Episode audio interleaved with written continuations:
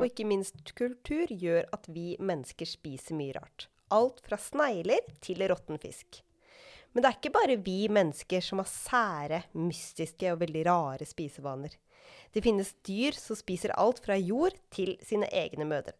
Og i Biopodden i dag skal vi se nærmere på noen av disse sære diettene som finnes ute i naturens verden. Og i studio i dag så er vi Elina Melteig. Hallo, hallo. Og meg, Vilde Olsson Lahlun. Og aller først så har jeg lyst til å spørre deg, Elina. Hva er det rareste du har spist? Nei, du må ikke spørre meg om det. Du vet at jeg er sånn som smaker på alt. Det er akkurat derfor jeg måtte spørre. Ja, altså, den lista er jo lang. Uh, uh, til tross for at det er veldig lite lurt, så har jeg jo smakt på sauehjerne. Fortell. Og det er kjempegodt. Det smaker litt sånn eggerøre, på en måte. Dette var med tomatsaus, og jeg var ikke klar over at jeg spiste det i det hele tatt. Jeg ville kanskje ikke gjort det hvis jeg visste hva det var. Sauehjerne med tomatsaus. Ja. Og dette var jo mens jeg bodde i Tunisia. Og da eh, sa jo de jeg bodde hos De pekte på hodet sitt, og så sa de 'moh'. Og jeg bare Ja ja, moh. Liksom. Hva søren? og så slo jeg det opp i ordboka etterpå, og så fant jeg ut at det betyr hjerne. Ja.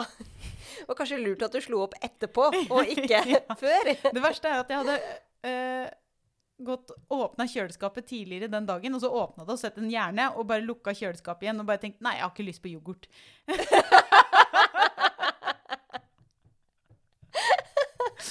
og jeg kobla ikke det til den hjernen i det hele tatt. Eller til den litt mystiske middagsmaten dere hadde på kvelden. Ja. Eller så, så, har jeg jo for så vidt også spist um, dorian. Det er jo en sånn um, frukt eh, i, som vokser i Indonesia bl.a. Og den er jo kjent for å smake og lukte utrolig vondt, og det er helt riktig. Det gjør den. Er det ikke den som man ikke kan ha inne på hoteller og sånn? At man ikke har lov til å ha den med inn på hotellene, fordi da lukter det så vondt på hotellrommet? Det har jeg ingen problemer med å se for meg, og det er den. For jeg tror jeg, jeg, har sett sånne skilt sånn 'ikke lov å ta med Dorian inn på dette ja, hotellrommet'. Det er, det, er, eh, det er, på en måte det er verre enn rakfisk, syns jeg, da.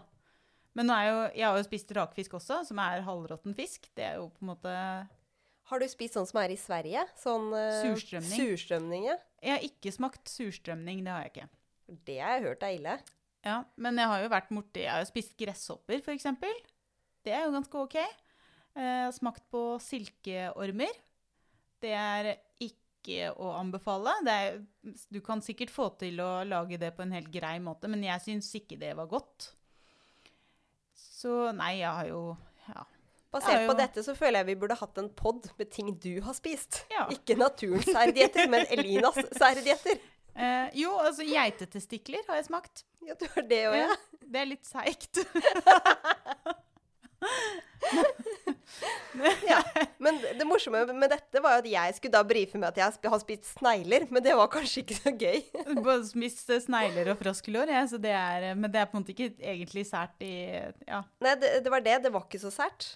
Uh, og jeg spiste snegler. Det var på julaften i fjor, mm. og syntes det var kjempegodt. Smaker jo ingenting. Det er også litt seigt. Ja. Men, men, det slår jo ikke noen av dine uh, saue- eller frukt Nei, ikke sant? Hva vil du si at det er verst uh, av de tingene? Er det geitetestiklene som vinner da, eller? Kanskje geitetestiklene eller hjernen. Ja. Virker veldig sært for meg å spise en hjerne.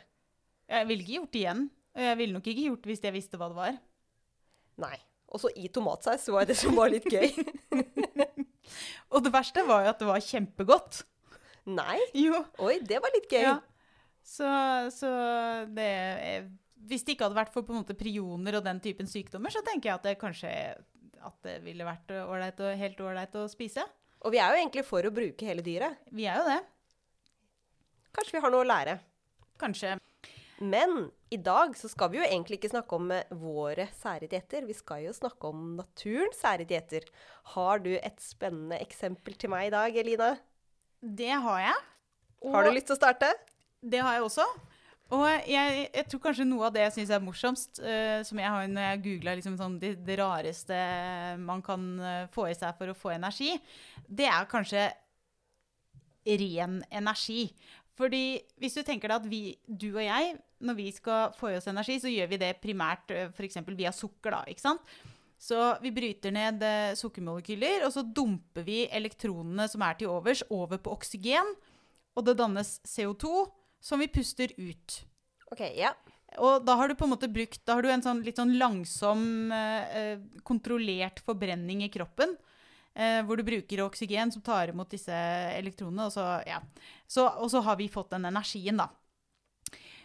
Og hvis du ikke har tilgang på oksygen, da må du dumpe de elektronene over på noe annet. Melkesyre. Er ikke det poenget med melkesyre? Jo, jo, men du, den, den er jo sur, så det kan jo bygge seg opp i kroppen over tid.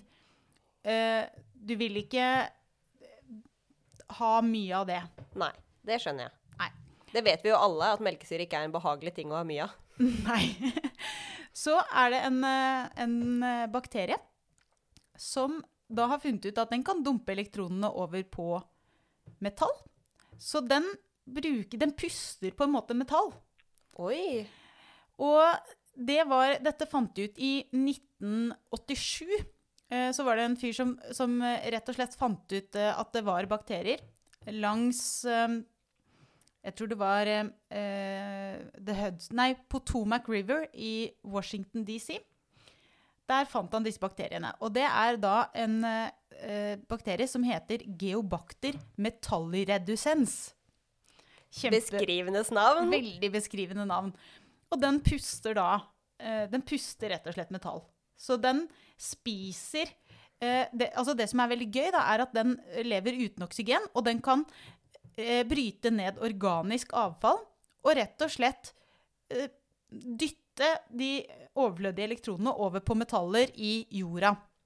Og lage f.eks. jernoksid eller, eller sånne ting. Eh, og det som er litt morsomt, da, er at denne typen bakterier kan kanskje brukes til å konvertere oljesøl på steder hvor det ikke er oksygen. Eh, eller ta eh, løselige radioaktive metaller som polonium eller uran, og så kan den omdanne de til mindre løselige produkter. Fordi, og, og til og med produsere bitte lite grann elektrisitet i prosessen. Hvordan, jeg skjønner ikke hvordan den kan det. Jo, fordi den, den er på en måte en liten sånn elektrontyv. Men som, som for på en måte, den må jo bli kvitt de elektronene igjen også, da. Ja. Eh, så det du kan si på et vis, er jo at den bæsjer elektroner. Det er gøy. Ja, Det er litt morsomt. Og, år, og så trodde de, når de fant denne geobakter, metalliredusens, så trodde de at ok, dette er sjeldent, dette er store oppslag. En ny, veldig sær bakterie. Men året etter så fant en annen forsker enda en sånn eh, elektronspise, eller sånn eh, en samme type bakterie. Og den heter Chevanella oneidensis. Det er kjempefint. Det var veldig fint. Og nå har de jo funnet massevis av sånne bakterier. Så det Så er en vanlig greie at den- bakterier kan Men spiser de elektroner, er det det de gjør? Og Ja, fordi- setter de fast på andre eh, på metaller? Det er det som er, det, det som er morsomt, er at eh, de seks nye artene som jeg skal si nå, de lever på havbunnen, og de gjør på en måte litt det motsatte. De tar opp elektroner, så de lever på en måte av ren elektrisitet. Det var gøy! Ja.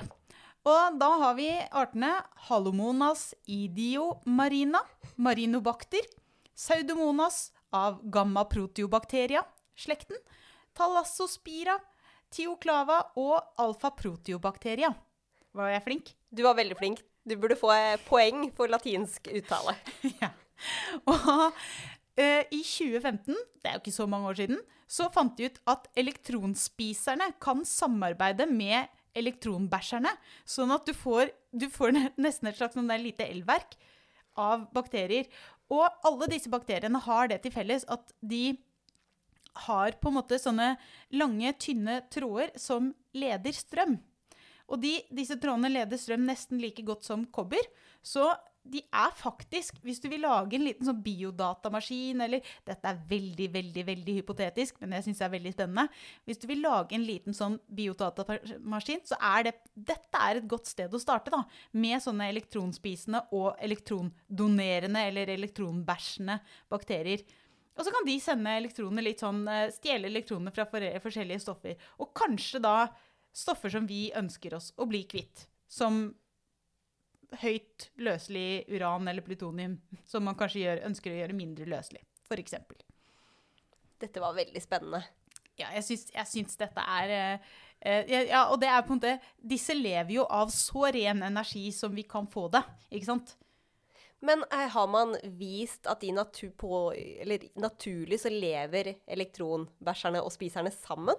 Eller er det noe man har vist liksom, på lab eh, at det er mulig, men, men det fins ikke i verden? Jeg tolket den artikkelen dit hen at dette var gjort på lab. At det, det er ikke, de har ikke sjekket det i, i naturen, men de har sett at ja, på lab så kan disse samarbeide om å donere og gi elektroner til hverandre.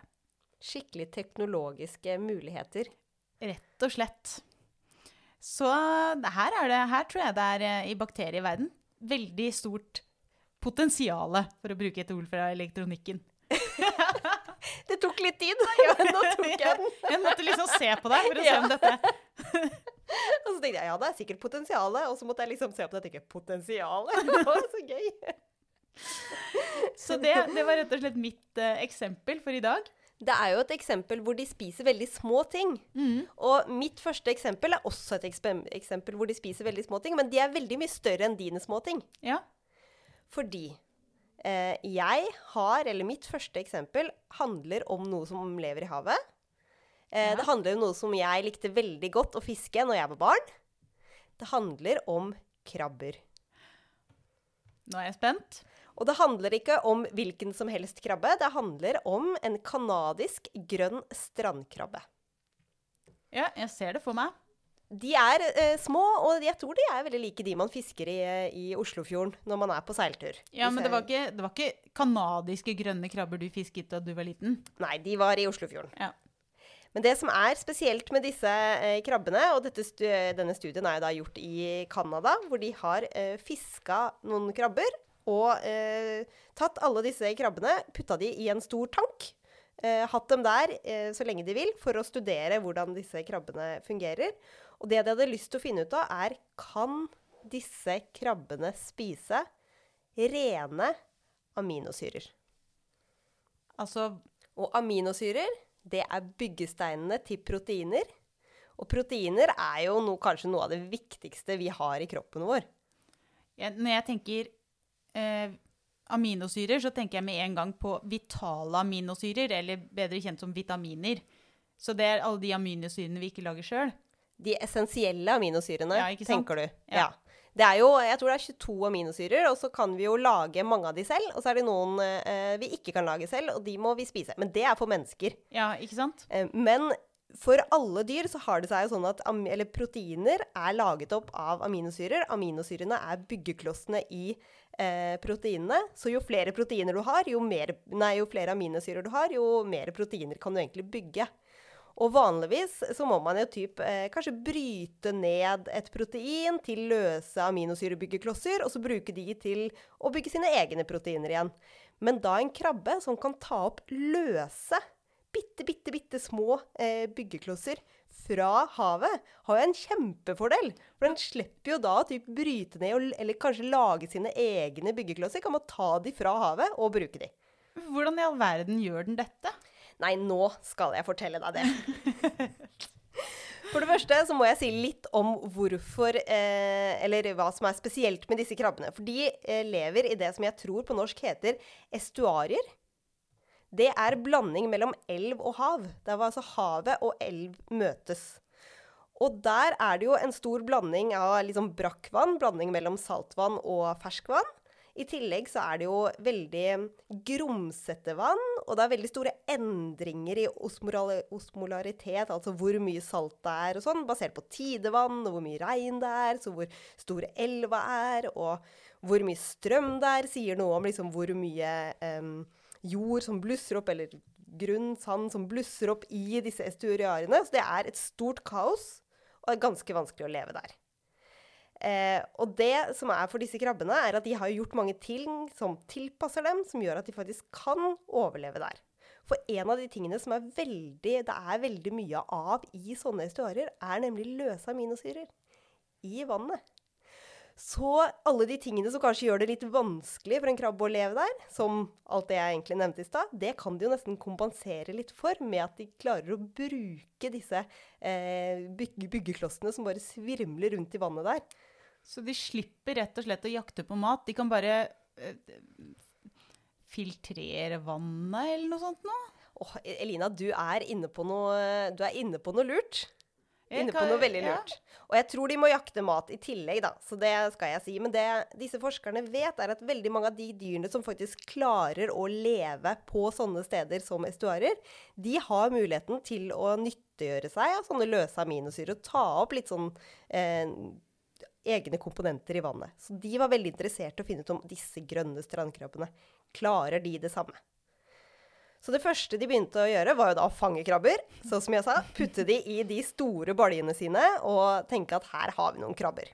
Og så fant de ut at de kan jo endre omgivelsene til krabbene, og så kan de studere krabben etterpå.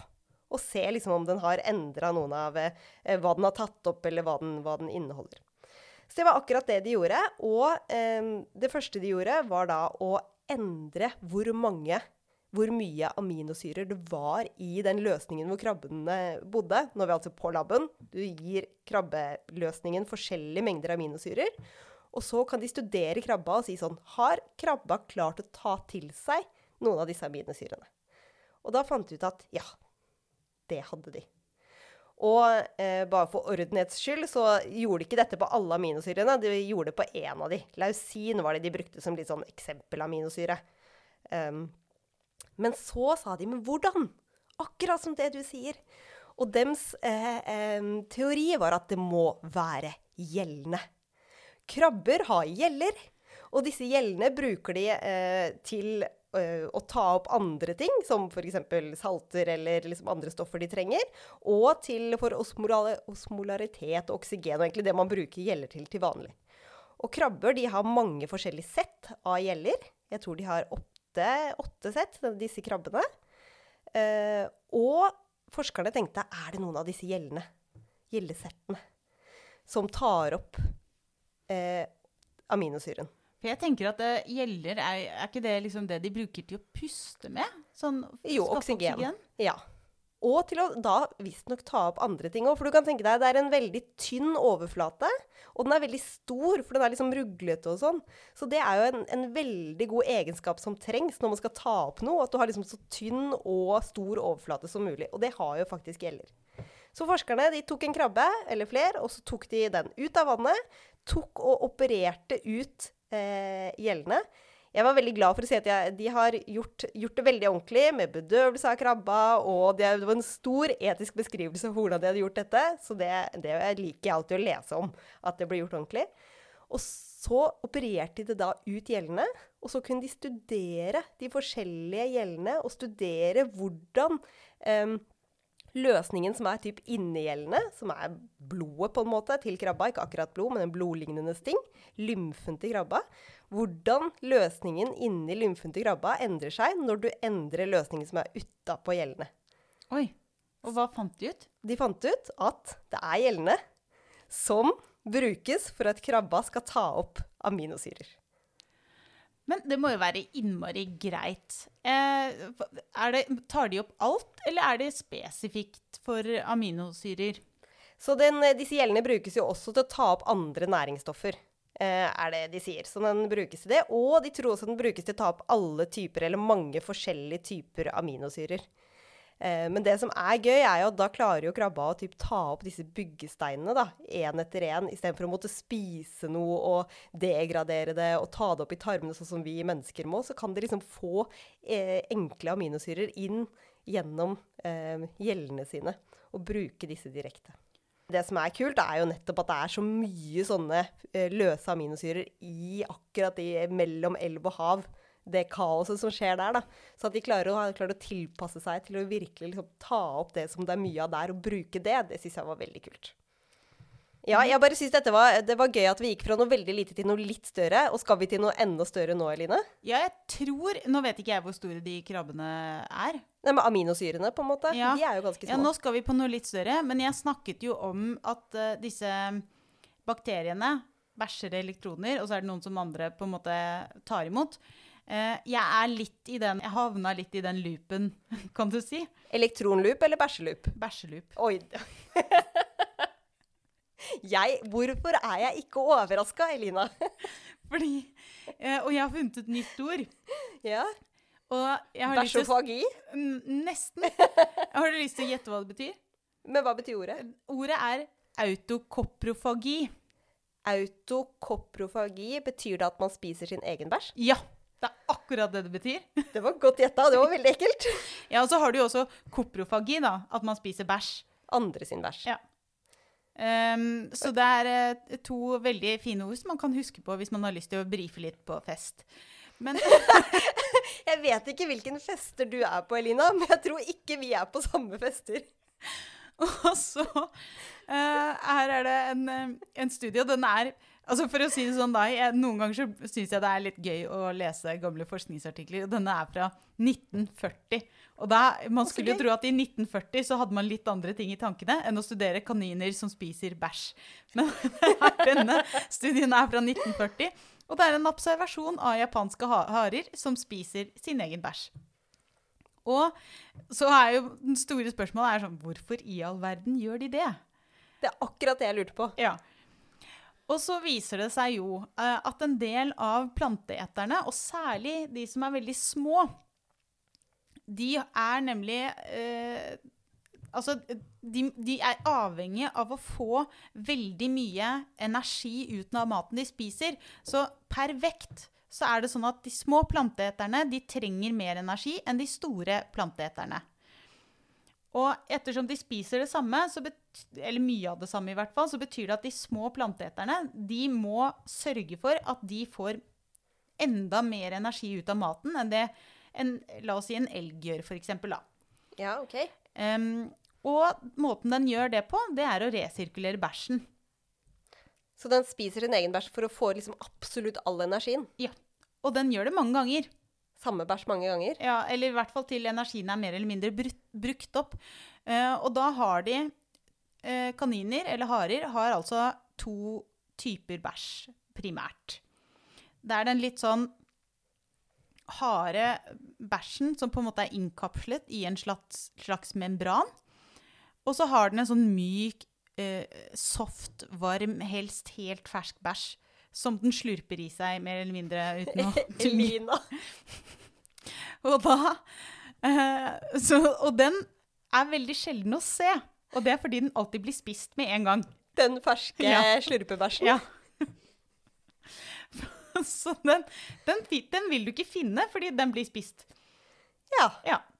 Nesten rett ifra med en gang. Men spiser de sin egen, eller deler de? Nei, de spiser sin egen. Og så øh, Ja, for du vil jo ikke dele maten din med noen, tror jeg. Jeg tror Nei. det, nei. Eller mer i det tilfellet vil jeg ikke spise maten til noen andre, i hvert fall. ja. Og så tror jeg det er et veldig viktig poeng at jeg tror de liksom foretrekker den fersk. Ja. At den er sånn litt sånn Hvis den blir liggende at den er Tror sånn de tror de foretrekker den. ja. Og så ehm, Men så er det også noen ganger de spiser den innkapsler litt hardere bæsjen også. fordi at det, eh, den, den litt harde, tørre membranen den kan virke som en slags beskyttende hinne som kan ta vare på bakteriene, sånn at de overlever en tur ekstra gjennom magesyren. Så det blir som en sånn probiotika, på en måte. Eh, Ja, for Ja. å ta vare på magebakteriene, egentlig. rett og slett. Mm. Så, så det er eh, Jeg vet ikke hvor mange ganger bæsjen går gjennom før den på en måte er brukt opp.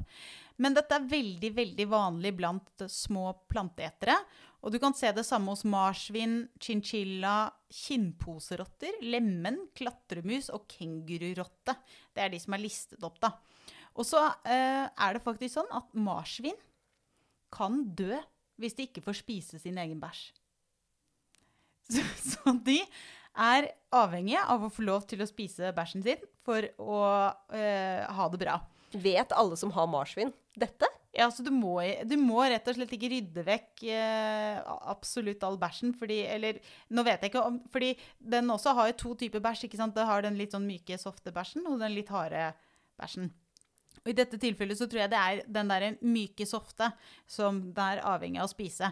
Fordi den har en, um, en slags sånn ekstra runde i fordøyelsessystemet, sånn at eh, når det er en slags liksom pose før blir, bæsjen blir dyttet helt ut, hvor det er en del bakterier som, som produserer eh, en del Altså når, i nedbrytningen da, av maten, produserer en del proteiner og, og frigjør liksom litt fiber og vitamin B og vitamin K, som disse marsvinene ikke da eh, får til å lage selv.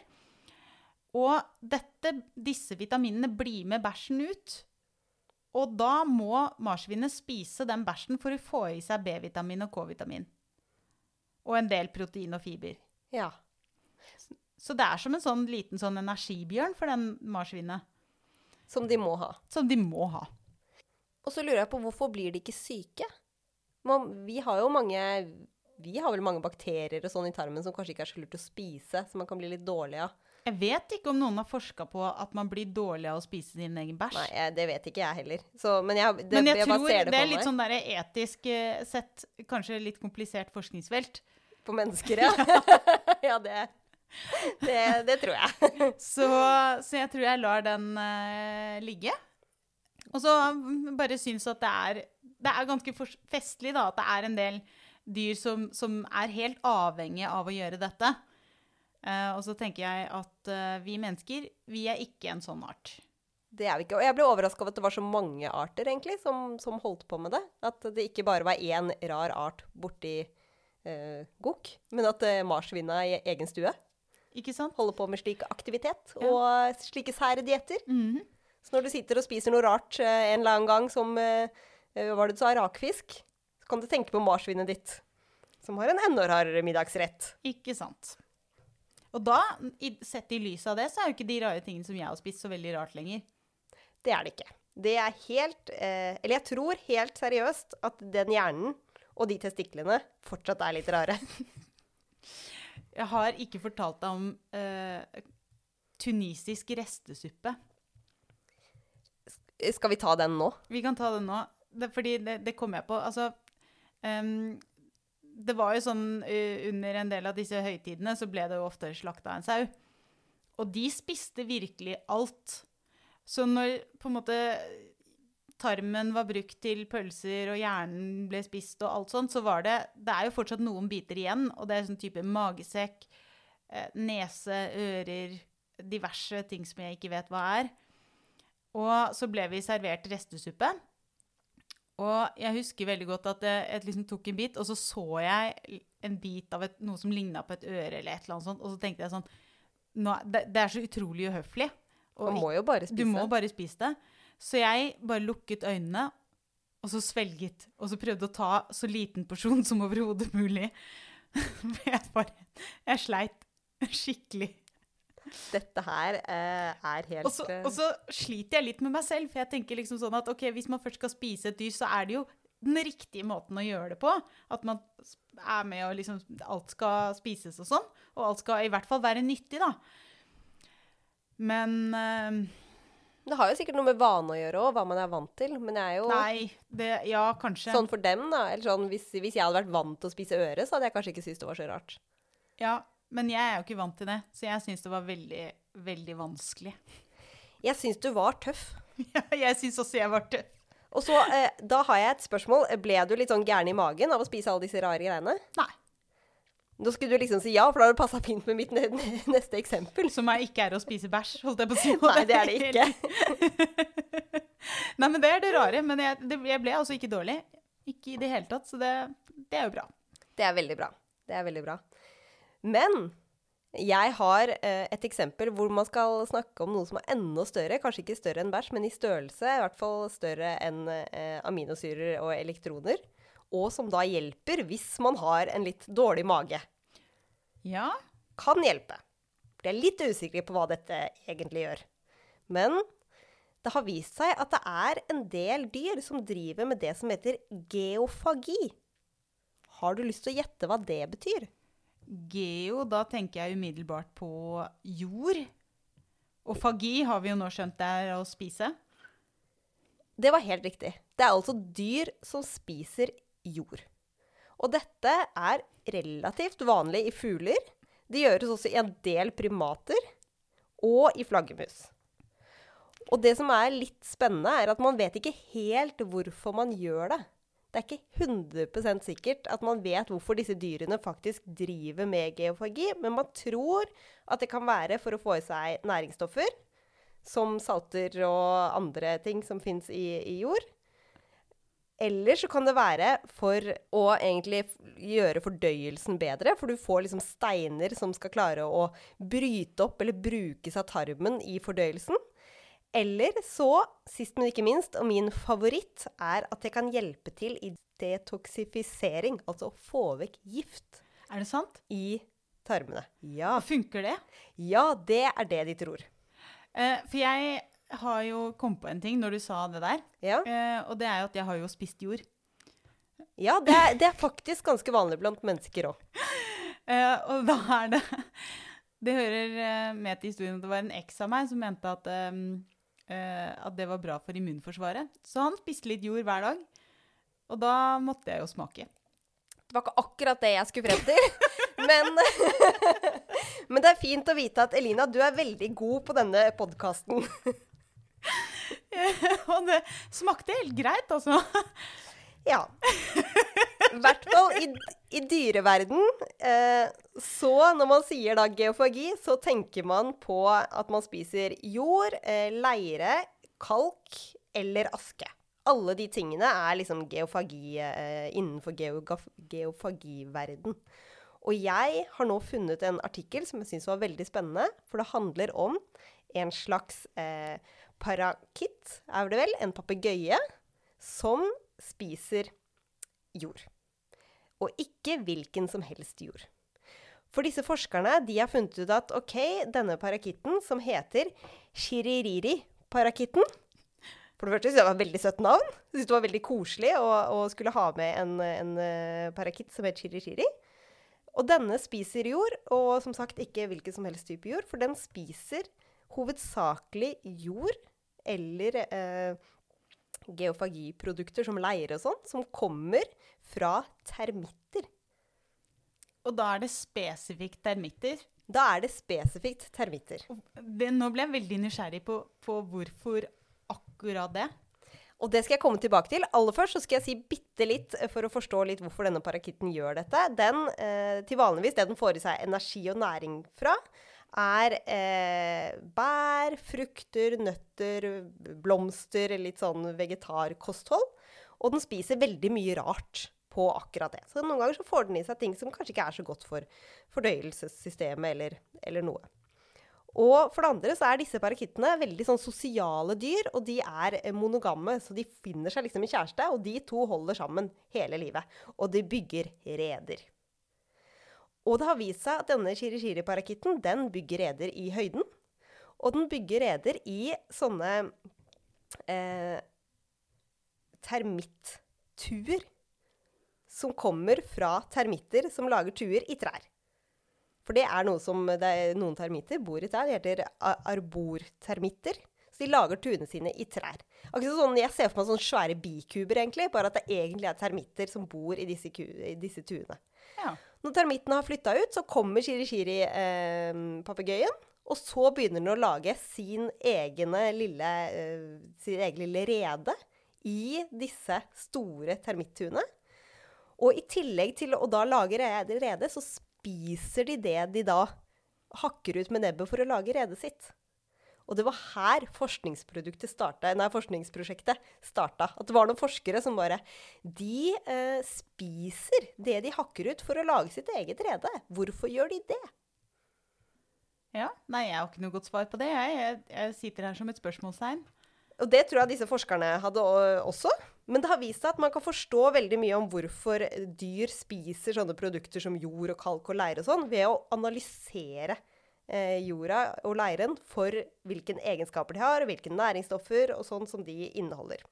Så det var egentlig akkurat det disse forskerne gjorde. De kom og tok prøver av både jorda som var under disse termittuene, og de tok prøver av termittuene, som da har blitt gjort om til reder av disse shiri-shiri-parakittene, eller papegøyene.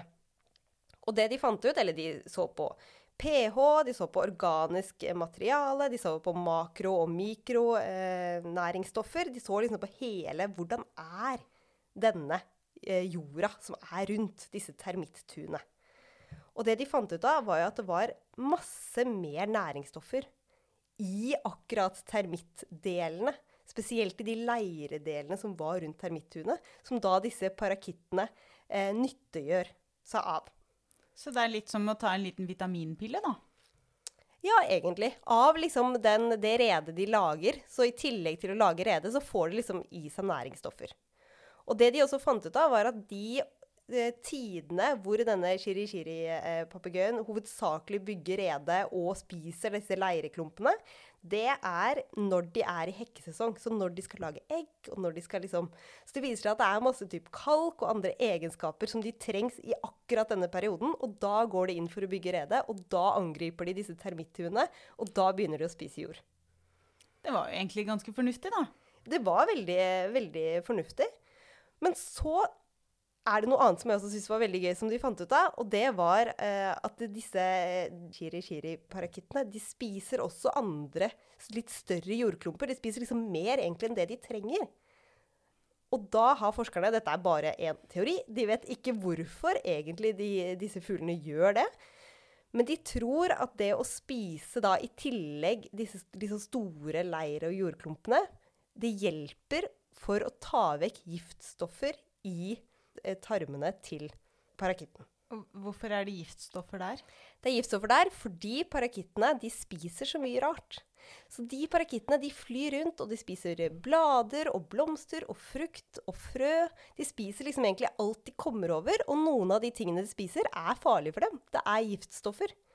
Så for at ikke disse giftstoffene skal eh, bli tatt opp i, i, eller fra tarmen til kroppen til parakittene, så tror forskerne at disse parakittene spiser jord.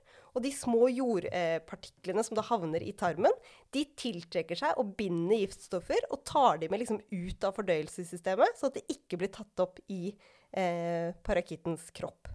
Så det er det som er liksom, eh, teorien bak det. Og det- er jo da ikke absorpsjon, men absorpsjon av disse eh, som disse leirene holder på med. da. Liksom Binder ting, ikke tar de opp, forhindrer Ja, at det blir sant? tatt opp. Mm. Binder de og sørger da for at giftstoffene blir i tarmene og blir med ut, istedenfor at denne parakitten blir dårlig. Så det er liksom den ekstra leiren som parakitten også bestemmer seg for. Så det virker som at denne parakitten den spiser jo næring, eller, eller vegetarisk kosthold, for å få i seg energi og næring. Og så spiser den jord fra disse termitthuene, både for å få liksom makro- og mikronæringsstoffer til å bygge sin, sitt rede og til å eh, være aktiv i hekkesesongen og til å få i seg andre salter og ting som den trenger. Og så bruker den leireklumpene, som er liksom ekstra, til å ikke forgifte seg eller bli skada av de toksinene den spiser. Så jeg syns det var en skikkelig smart parakitt. Det høres ut som en eh, superløsning, egentlig.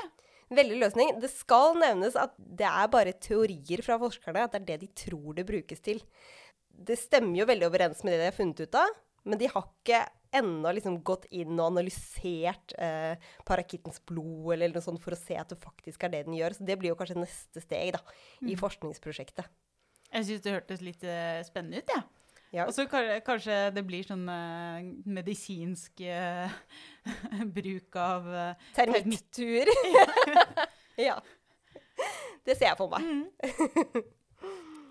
Ja. Nei, det er kanskje ikke nok termittur i verden til at det, det er noe fornuftig måte å gjøre ting på, men eh, Ikke helt, og i hvert fall ikke de i høyden som har blitt forlatt av termittene sine. Nei. Forskningsgruppa her de hadde leita og leita og klart å finne seks sånne termittuer i, i trær da, som, som hadde blitt uh, reder fra papegøyene. ja, det var jo ikke helt eh, Det var jo ikke all verden.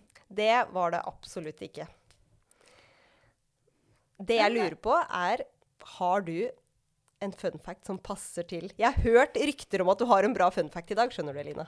Ja, og jeg er jo jeg, har- Nå er vi over på fun facten, og da tenkte jeg at eh, jeg har ikke tenkt å gi meg med dette bæsjegreiene. Jeg, jeg er fortsatt på den. Har du tre av tre bæsjehistorier i dag? Eh, naturens særeste dietter endte med å bare handle om det. Og da, og da tenker jeg at jeg, jeg, har, eh, jeg har på en måte funnet eh, et slags svar på et spørsmål som jeg er helt sikker på at veldig, veldig, veldig mange som hører på podkasten, har lurt på.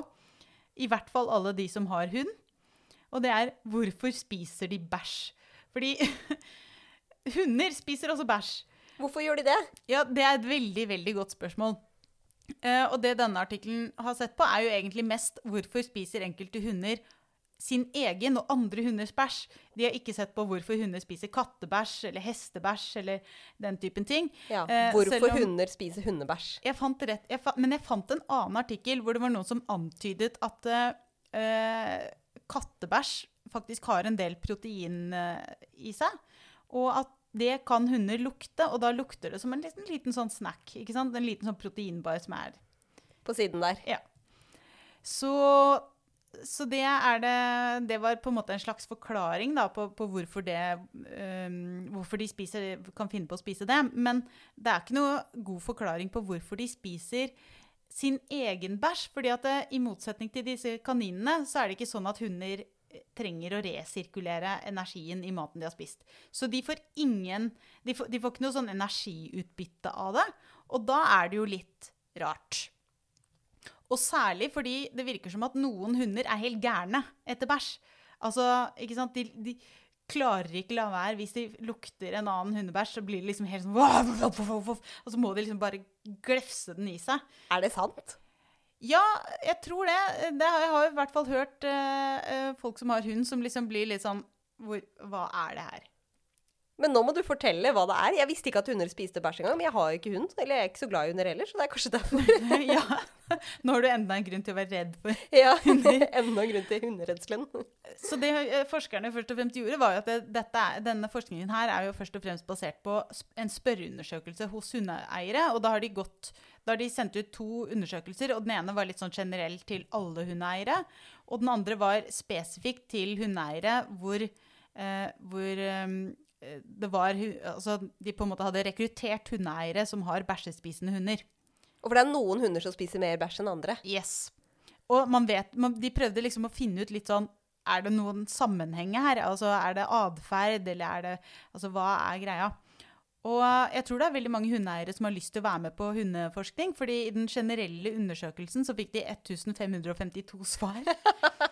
Og i den eh, andre undersøkelsen, den som var kun for bæsjespisende hunder, så var det 1475 svar. Så de hadde Fikk det 1475 bæsjespisende hundeeiere? ja, Ja, så eiere, ikke- ikke eieren. Eiere til bæsjespisende hunder ja. til å være med på denne, denne forskningen. Ja. Ja, og da, eh, og da har de definert en bæsjespisende hund som en hund som spiser sin egen eller andre hunders bæsj mer enn seks ganger i løpet av studien, eller i løpet av studietiden, da. Ja. Uh, og da er ikke kattebæsj og annen bæsj med, bare hundebæsj. ja. Og da viser det seg at 16% av hundene spiser bæsj. Og diett, altså hva de ellers spiser, alder, har ingenting å si. Men det er en liten tendens til at hunder som er veldig glad i mat, sånn som type golden retrievere og sånne, de er litt mer bæsjespisende enn andre hunder. De testes også en del produkter som skal være mot denne atferden, og de har ingen effekt, som de klarer å finne. Um, og så viser det seg at hundene spiser utelukkende fersk bæsj. OK. Eh, Det var litt interessant. Litt igjen som, som med disse kaninene, men, men det er eh, Og med fersk i denne sammenhengen, da snakker vi ikke sekunder, da snakker vi to dager. OK, så en hundebæsj er fersk lenge. Ja, det kan se sånn ut. Og så er hypotesen her, da, at uh, dette er en gammel hund- ulveatferd som rett og slett kicker inn for å holde hulen parasittfri.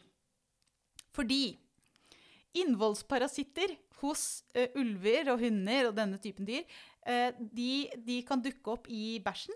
Og da gjør de gjerne det etter et par dager, sånn at eggene i disse parasittene bruker litt tid på å klekke. Så da har du på en måte to dager på deg for å få flytta vekk den bæsjen, sånn at ikke det ikke sprer seg masse parasitter. Og så er det jo sånn at magesyren og sånn gjør på en måte en del for å nøytralisere det. Så det er på en måte det verste av to onder. Hvis du først har fått parasitter, så er den beste måten å bli kvitt det på er å spise det. fordi det, det andre alternativet er at det blir liggende, så blir det mer parasitter, og så kan alle få det.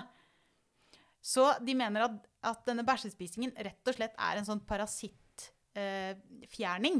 Det var kjempegøy! Ja. Og så ser det også ut som at de hundene som har mange hunder hjemme, altså at det er, ikke, det er mer enn én hund i hjemmet, de har mer bæsjespisende atferd enn de hundene som bor Det er jo kjempeforklaring! Ja. Ikke sant? Jeg syns det er kjempemorsomt.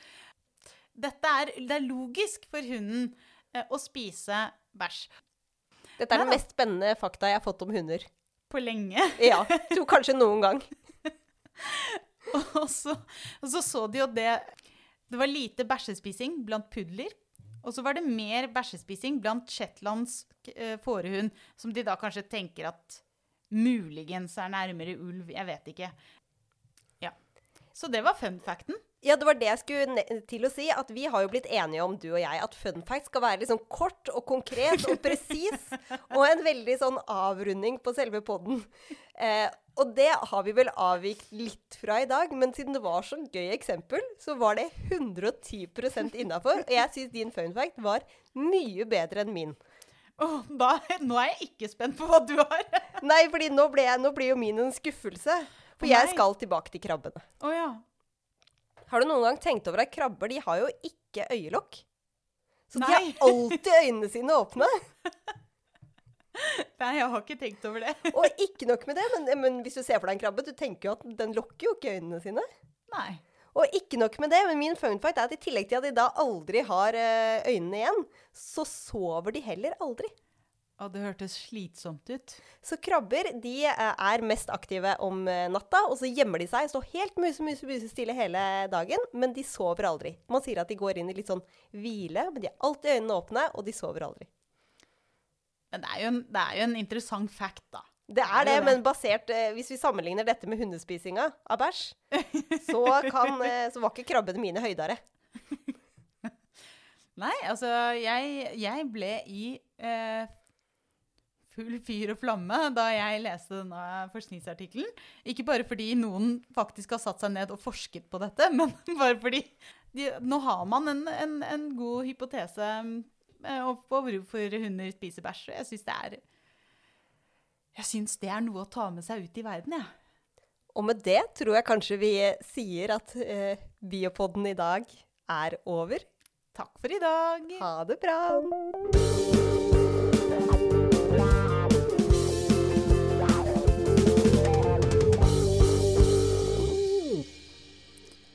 Du har nå hørt Biopodden med Vilde Olsson Lahlun og Elina Melteig. Og med på laget har vi også Torborg Galtland, daglig leder i Norsk biologforening. Denne episoden av Biopodden er laget i samarbeid med Tømtestiftelsen og er en serie på seks episoder som erstatter Biokonferansen. Årets tema er mat. Podkasten utgis av tidsskriftet Biolog, som eies av Norsk biologforening.